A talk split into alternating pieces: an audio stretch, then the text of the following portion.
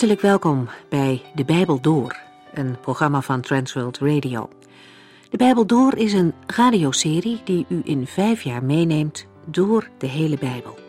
Van Genesis 1 tot Openbaring 22.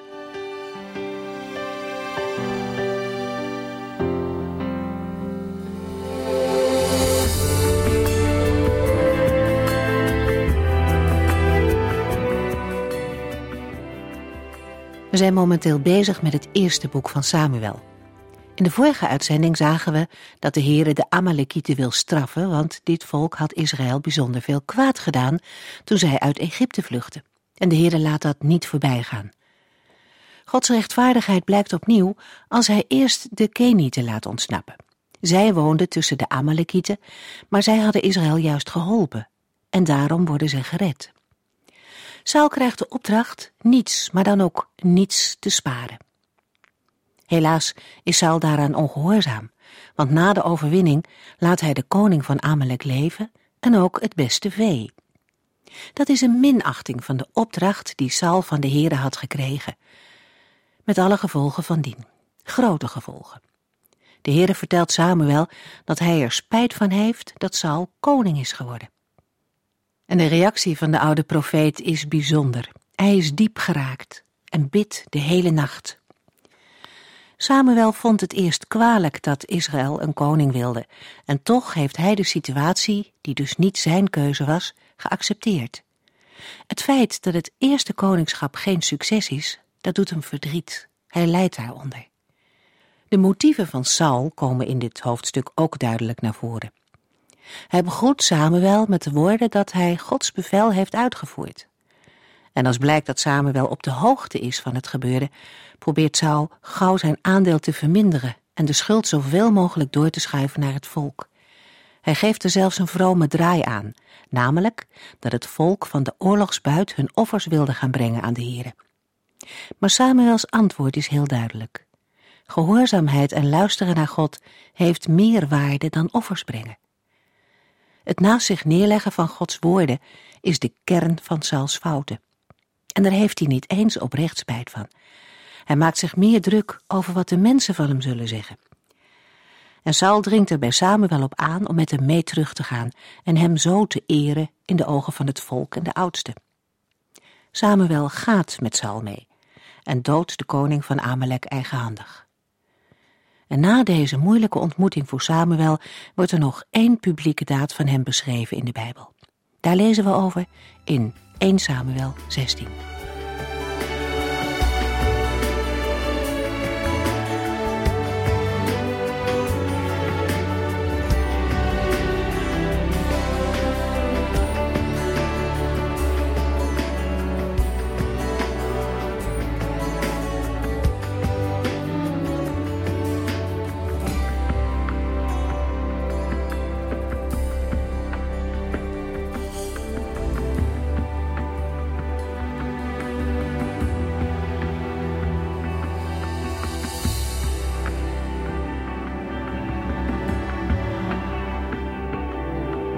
Het definitieve oordeel over Saul is uitgesproken. Hij is door de Heere voorgoed verworpen. De tijd breekt aan dat de Heere een andere koning aanwijst, die de Israëlieten zal leiden. In 1 Samuel 15 heeft God gezegd dat het koningschap gaat naar een man die beter is dan Saul. In 1 Samuel 16 lezen we dat David tot koning wordt gezalfd en dat hij de nieuwe koning wordt. In de nu volgende hoofdstukken zullen we de tegenstellingen zien tussen Saul en David. De Heere gaf Saul niet maar één gelegenheid, maar verschillende gelegenheden om te laten zien of Saul hem zou gehoorzamen. Maar Saul liet steeds weer zien dat hij zo zijn eigen opvattingen en gedachten over het gehoorzamen van de Heere had. De Heere hoefde niet te wachten op de resultaten van het koningschap van Saul. Hij kende die al maar er waren anderen die dat ook moesten weten. In de eerste plaats Saul zelf, en daarna Samuel en het volk Israël. Samuel omdat hij Saul liefhad en het volk omdat het Saul als koning had gekozen. Maar Denk daarbij nu niet dat u, jij en ik daarbij de dans ontspringen. In Hebreeën 12, vers 5 tot en met 7 lezen we: Denk niet licht over de tucht van de Heere, mijn zoon. Laat de moed niet zakken als de Heere u terecht wijst. Want daaruit blijkt dat hij van u houdt. Als hij u slaat, blijkt dat u zijn zoon bent. Laat u door God opvoeden. Hij behandelt u als zijn kinderen. Het was Gods aanpak in de tijd van Saul, en dat is vandaag niet anders. In Jacobus 1, vers 12 horen we Jacobus zeggen: Gelukkig is hij die telkens verleidingen weerstaat en niet doet wat verkeerd is, want later zal hij als beloning de kroon krijgen die God beloofd heeft aan alle die hem liefhebben, het eeuwige leven. En als een mens dat niet doet of niet wil, wat zijn dan de consequenties? Daarvan zijn Amalek en Saul schokkende voorbeelden. Wij moeten bij de Amalekieten beseffen dat we te maken hebben met de afrekening aan een groep mensen die zich uitermate destructief hebben getoond ten aanzien van de Israëlieten. Door heel de Bijbel heen loopt een lijn van haat van Amalekieten tegen het volk van God. Daarom is de banvloek over hen uitgesproken. 1 Samuel 16 vers 1 Ten slotte zei de Heere tegen Samuel: U hebt nu lang genoeg getreurd om het feit dat ik Saul als koning van Israël heb verworpen. Vul een hoorn met olie, ga naar Bethlehem en zoek daar Isaï op. Ik heb een van zijn zonen uitgekozen om koning te worden. Samuel krijgt de opdracht een hoorn met olie te vullen en naar Isaï in Bethlehem te gaan. God vertelt dat hij heeft voorzien in een koning door een van de zonen van Isaïe als koning uit te kiezen. De Heere vertelt nog niet welke zoon wordt uitgekozen. Wat wel duidelijk wordt, is dat de nieuwe koning afkomstig is uit de stam of het stamgebied van Juda. Hiermee gaat de belofte aan Juda in vervulling. Juda zal heerschappij over de Israëlieten voeren. 1 Samuel 16, vers 2 en 3. Samuel vroeg: Hoe kan ik dat nu doen? Als Saul dat hoort, zal hij mij zeker doden. Neem een kalf mee, zei de Heere, en zeg dat u bent gekomen om de Heere een offer te brengen. Roep Isaïe dan bij het offer, en ik zal u laten zien welke van zijn zonen u voor mij moet salven. Het salven van een nieuwe koning is wel riskant, omdat Saul nog steeds aan de macht is. De Heere antwoordt dat de ceremonie een geheim karakter zal dragen. Samuel moet de kalf meenemen en zeggen dat hij gekomen is om een offerfeest te vieren. Slachtoffers werden vaak gebracht op allerlei plaatsen in het land. Hierbij werden de vette delen en enige ingewanden aan God geofferd, terwijl de overige delen bestemd waren voor de priester en de offeraar. In dit geval is Samuel de offeraar en mag hij voor de offermaaltijd uitnodigen wie hij maar wil. De profeet krijgt van God de opdracht Isaï uit te nodigen voor een offerfeest. Samuel doet wat de Heere bevolen heeft en gaat naar Bethlehem. In vers 4 en 5 lezen we dat de leiders van de plaats aan de profeet vragen: Wat is er mis? Mogelijk vrezen zij een onheilsboodschap. Samuel stelt hen gerust door mee te delen dat hij is gekomen om te offeren. Daarom vraagt hij hen zich te reinigen. Samuel nodigt niet alleen de leiders uit voor een offermaaltijd, maar ook Isaïe en zijn zonen. Samuel en Isaïe gaan naar de ruimte waar de offermaaltijd wordt gehouden. Dan komen de zonen van Isaïe binnen. 1 Samuel 16, vers 6 en 7. Toen zij arriveerden en Samuel Eliab zag, dacht hij: Dat moet de man zijn die de Heere heeft gekozen. Maar de Heere zei tegen hem: Beoordeel een man niet op zijn uiterlijk of zijn lengte, want dit is niet de man die ik bedoel. Ik beslis op andere gronden dan u. De mensen beoordelen iemand naar zijn uiterlijk, maar ik kijk naar zijn gedachten en hoe hij innerlijk is. Als eerste valt het oog van Samuel op Eliab. En Samuel denkt dat hij de keuze van de Heere zal zijn. Maar de Heere zegt dat hij een ander op het oog heeft. Als motivatie wordt toegevoegd dat de mens naar het uiterlijk kijkt, terwijl God het hart aanziet. De nieuwe koning moet een man zijn naar Gods hart. Iemand die de Heere dient met heel zijn hart. Alleen God doorziet het menselijke hart en is in staat tot een goed oordeel. Met vers 7 krijgen ook wij vandaag geestelijk onderwijs. Als de Heer naar ons kijkt, kijkt Hij naar ons innerlijk. Beoordeel iemand niet naar zijn of haar uiterlijk. Isaïe stuurde zijn zonen één voor één naar Samuel.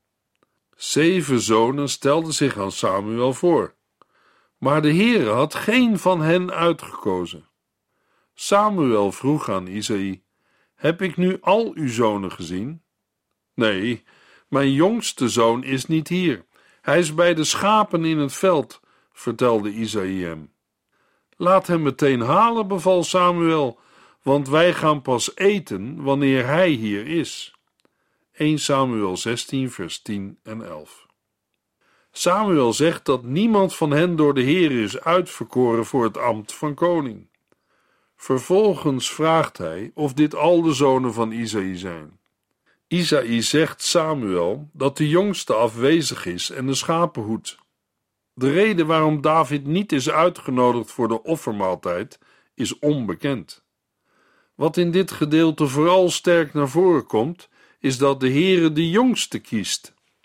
Dat gebeurt in de Bijbel vaker, bij Jacob en Esau en Ephraim en Manasse. Daarmee laat de Heere zien dat hij zijn doel niet bereikt via menselijke kracht, maar eerder langs de weg van menselijke zwakheid. Samuel geeft opdracht om David te halen. Eerder zullen zij niet aan de offermaaltijd beginnen. 1 Samuel 16, vers 12. Isaïe liet hem halen. Het was een knappe jongen met rood haar en vriendelijke ogen. De Heere zei: Dit is degene die ik bedoel. Sta op en zalf hem. Ondanks het feit dat David als de jongste niet echt meetelde, wordt hij positief omschreven. Hij heeft rood haar, mooie ogen en ziet er knap uit. De Heere zei: Dit is degene die ik bedoel. Sta op en zalf hem.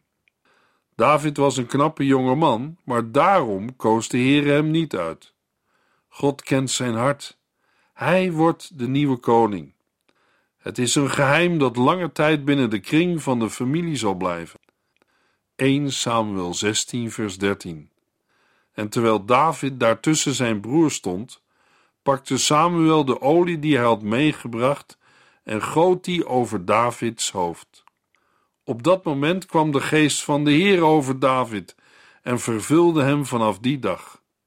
Samuel keerde hierna terug naar Rama. Op het moment van de zalving werkt de geest van God in David en blijft vanaf die tijd bij hem. Pas in vers 13 komen we te weten dat de nieuwe koning David heet. Na de zalving staat Samuel op en gaat naar zijn huis in Rama. Het is zijn laatste publieke optreden dat in de Bijbel staat beschreven. In dit gedeelte is de nieuwe koning voorgesteld en gezalfd. Van David geldt: zijn hart is oprecht en hij is knap. Twee belangrijke kenmerken voor een koning waarbij het innerlijk het belangrijkste is. Alleen een koning met een zuiver hart kan optreden als koning naar Gods wil, namelijk als onderkoning onder het gezag van de Heere. 1 Samuel 16, vers 14 tot en met 16. Maar de geest van de Heere had Saul verlaten, en in plaats daarvan stuurde de Heere hem een boze geest, die hem depressief en angstig maakte. Enkele dienaren stelden hem voor dat hij iets moest doen om daarvan te genezen. We zullen een goede harpspeler zoeken. Die kan dan voor u spelen. Telkens als u last hebt van die martelende geest, zeiden zij. De harpmuziek zal u kalmeren en u er snel weer bovenop brengen.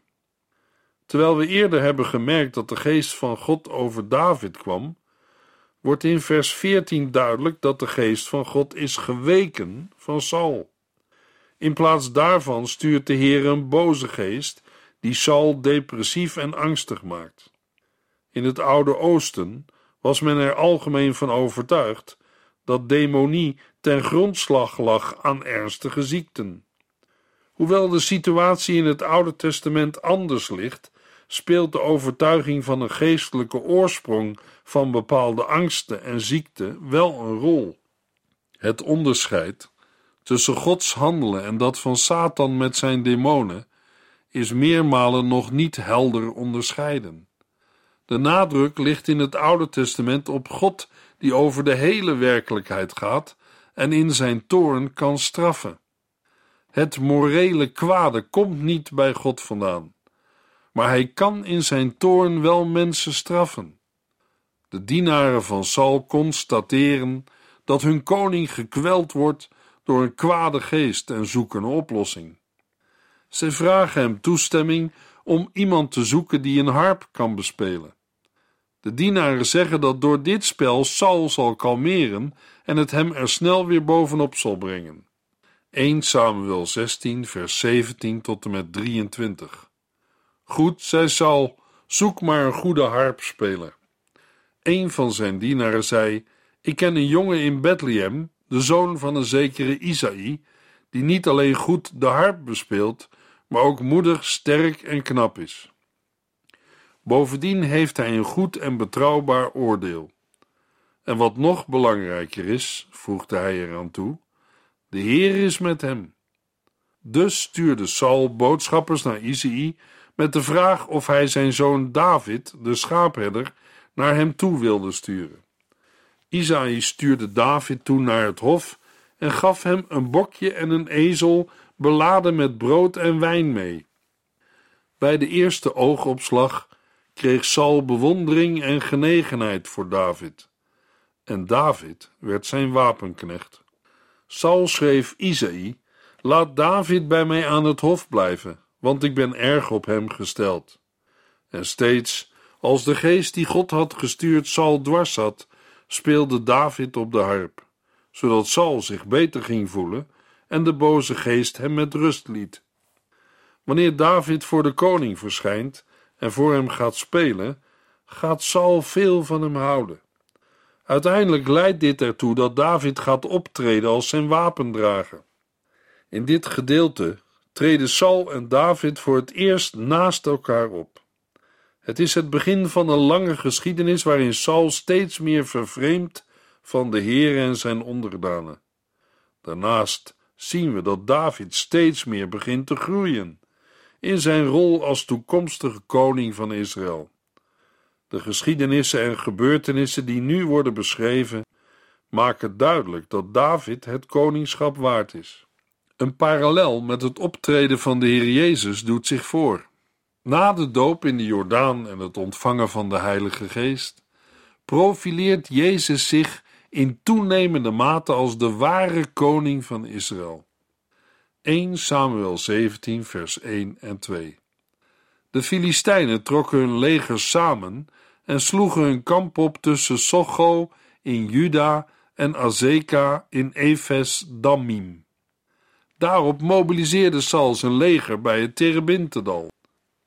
1 Samuel 17 is een van de bekendste gedeelten uit de Bijbel. De meeste mensen kennen de geschiedenis van David en Goliath.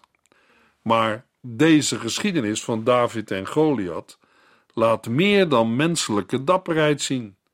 Het laat zien dat David al als jonge man een hart voor de Here had. David stelde zich niet beschikbaar om tegen Goliath te vechten, omdat anderen uit Israël dat niet durfden. Nee, David deed dat omdat Goliath het leger van de levende God en de Heere zelf beledigde. Toen hij oog in oog met de formidabele reus stond, getuigde hij van zijn vertrouwen op de Heere. U komt op mij af met een zwaard, een speer en een schild, maar ik kom in de naam van de Heere van de hemelse legers en van Israël, dezelfde God die u hebt beledigd. Vers 45. De Filistijnen waren een voortdurende bedreiging voor de Israëlieten. Na de troepenbewegingen van de Filistijnen mobiliseerde Saul zijn leger bij het Terebintedal. 1 Samuel 17 vers 3 tot en met 8 Het dal lag tussen beide kampen in, zodat de Filistijnen en de Israëlieten elkaar konden zien. Op een dag kwam Goliath, een kampvechter uit Gat, uit het Filistijnse kamp gelopen tot hij binnen gehoorafstand van de Israëlitische troepen was. Hij was een reusachtige man met een lengte van bijna drie meter. Hij droeg een koperen helm, een koperen borstpanzer van 55 kilo en koperen beenkappen. Ook had hij een koperen speer van enige centimeters dik bij zich. De speerpunt was van ijzer en woog meer dan zes kilo. Voor hem uit liep zijn wapenknecht met een reusachtig schild. Hij bleef staan en schreeuwde naar de Israëlieten: Zouden jullie wel optrekken en vechten? Ik vertegenwoordig de Filistijnen. Kiezen jullie uit de mannen van Saul ook een vertegenwoordiger? Dan zullen wij dit in een man tegen man gevecht uitvechten. Deze man met zijn indrukwekkende verschijning gaat tegenover de Israëlieten staan en daagt hen uit. Hij vraagt waarom zij zich hebben opgesteld voor een gevecht. Hij zegt ook dat hij de Filistijnen vertegenwoordigt. Goliath daagt een van de Israëlieten uit naar hem toe te komen. Hij doet een voorstel. Als de kampvechter van Israël hem verslaat, zullen de Filistijnen slaven van Israël zijn. Maar als Goliath wint, zullen de Israëlieten slaven van de Filistijnen zijn. Kortom, de twee mannen vechten plaatsvervangend voor hun leger. De volgende versen laten zien dat Goliath iedere dag de Israëlieten uitdaagde. Maar na veertig dagen had niemand die uitdaging aangenomen. Dan verschijnt David op het toneel. Hij had eten gebracht voor zijn broers.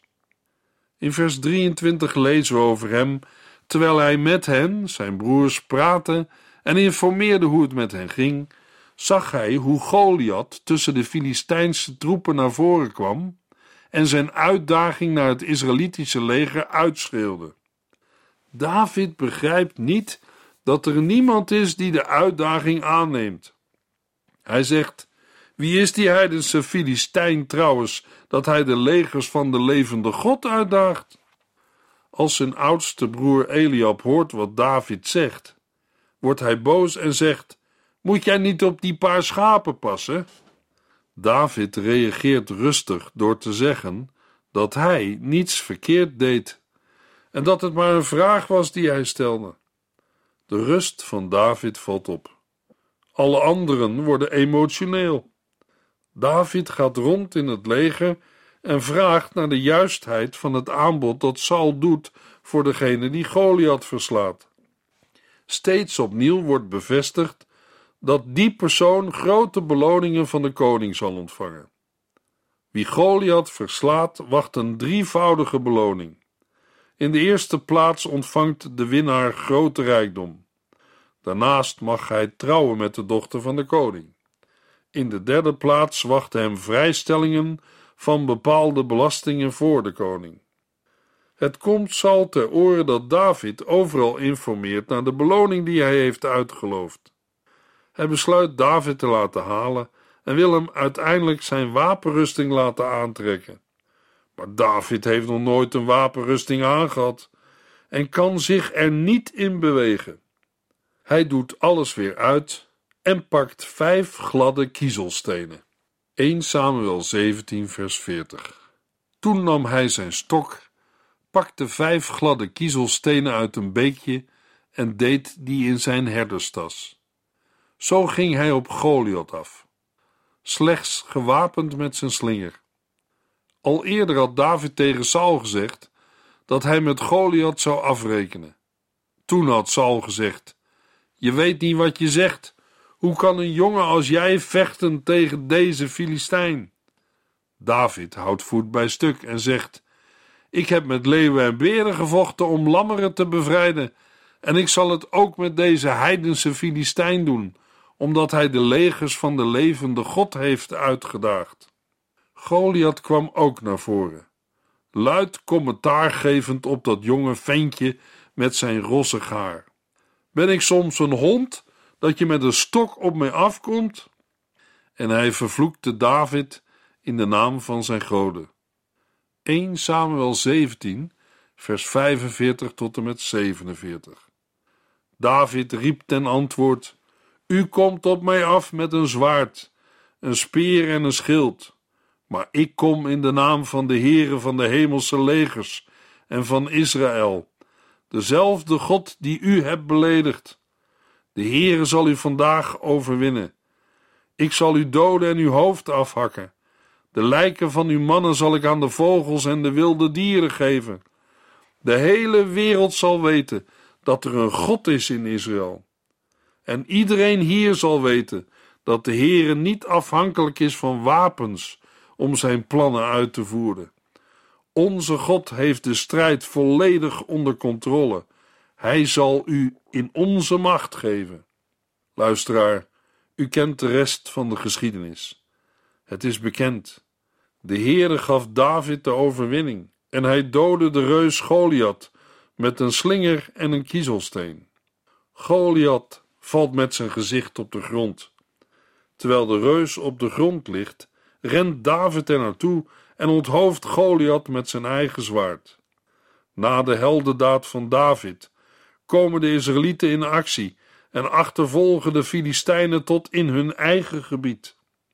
Ondertussen heeft Saul de heldendaad van David gezien en daarvan is hij diep onder de indruk geraakt. Hij vraagt aan zijn opperbevelhebber Abner: Uit wat voor familie komt deze jongeman? Abner deelt mee het niet te weten, en Saul geeft hem opdracht hierover navraag te doen. Wanneer David is teruggekeerd, brengt Abner hem naar de koning. Deze vraagt hem naar zijn vader. 1 Samuel 17, vers 58. David antwoordde: Ik ben de zoon van uw knecht Isaï en wij wonen in Bethlehem. We mogen in het optreden van David iets zien van de Heer Jezus, de zoon van David, die aan het kruis alle duistere machten heeft verslagen. Colossense 2, vers 15. In de volgende uitzending lezen we 1 Samuel 18 en 19.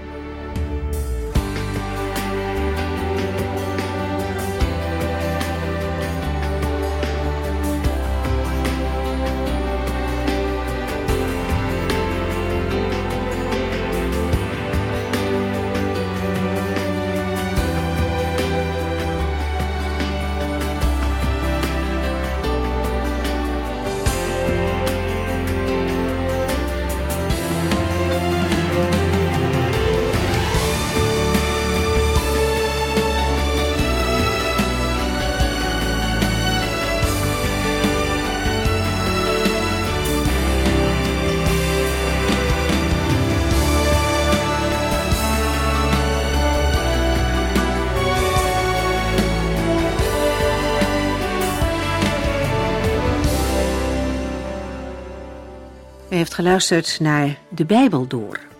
In het Nederlands vertaald en bewerkt door Transworld Radio. Een programma waarin we in vijf jaar tijd de hele Bijbel doorgaan. Als u wilt reageren op deze uitzending of u heeft vragen, dan kunt u contact met ons opnemen. Tijdens kantooruren kunt u bellen op 0342 47 8432. 0342 47 8432. 32. Ook kunt u een e-mail sturen naar de Bijbel door transworldradio.nl en natuurlijk kunt u ook via de post ons bereiken. TWR, postbus 371, postcode 3770, AJ in Barneveld.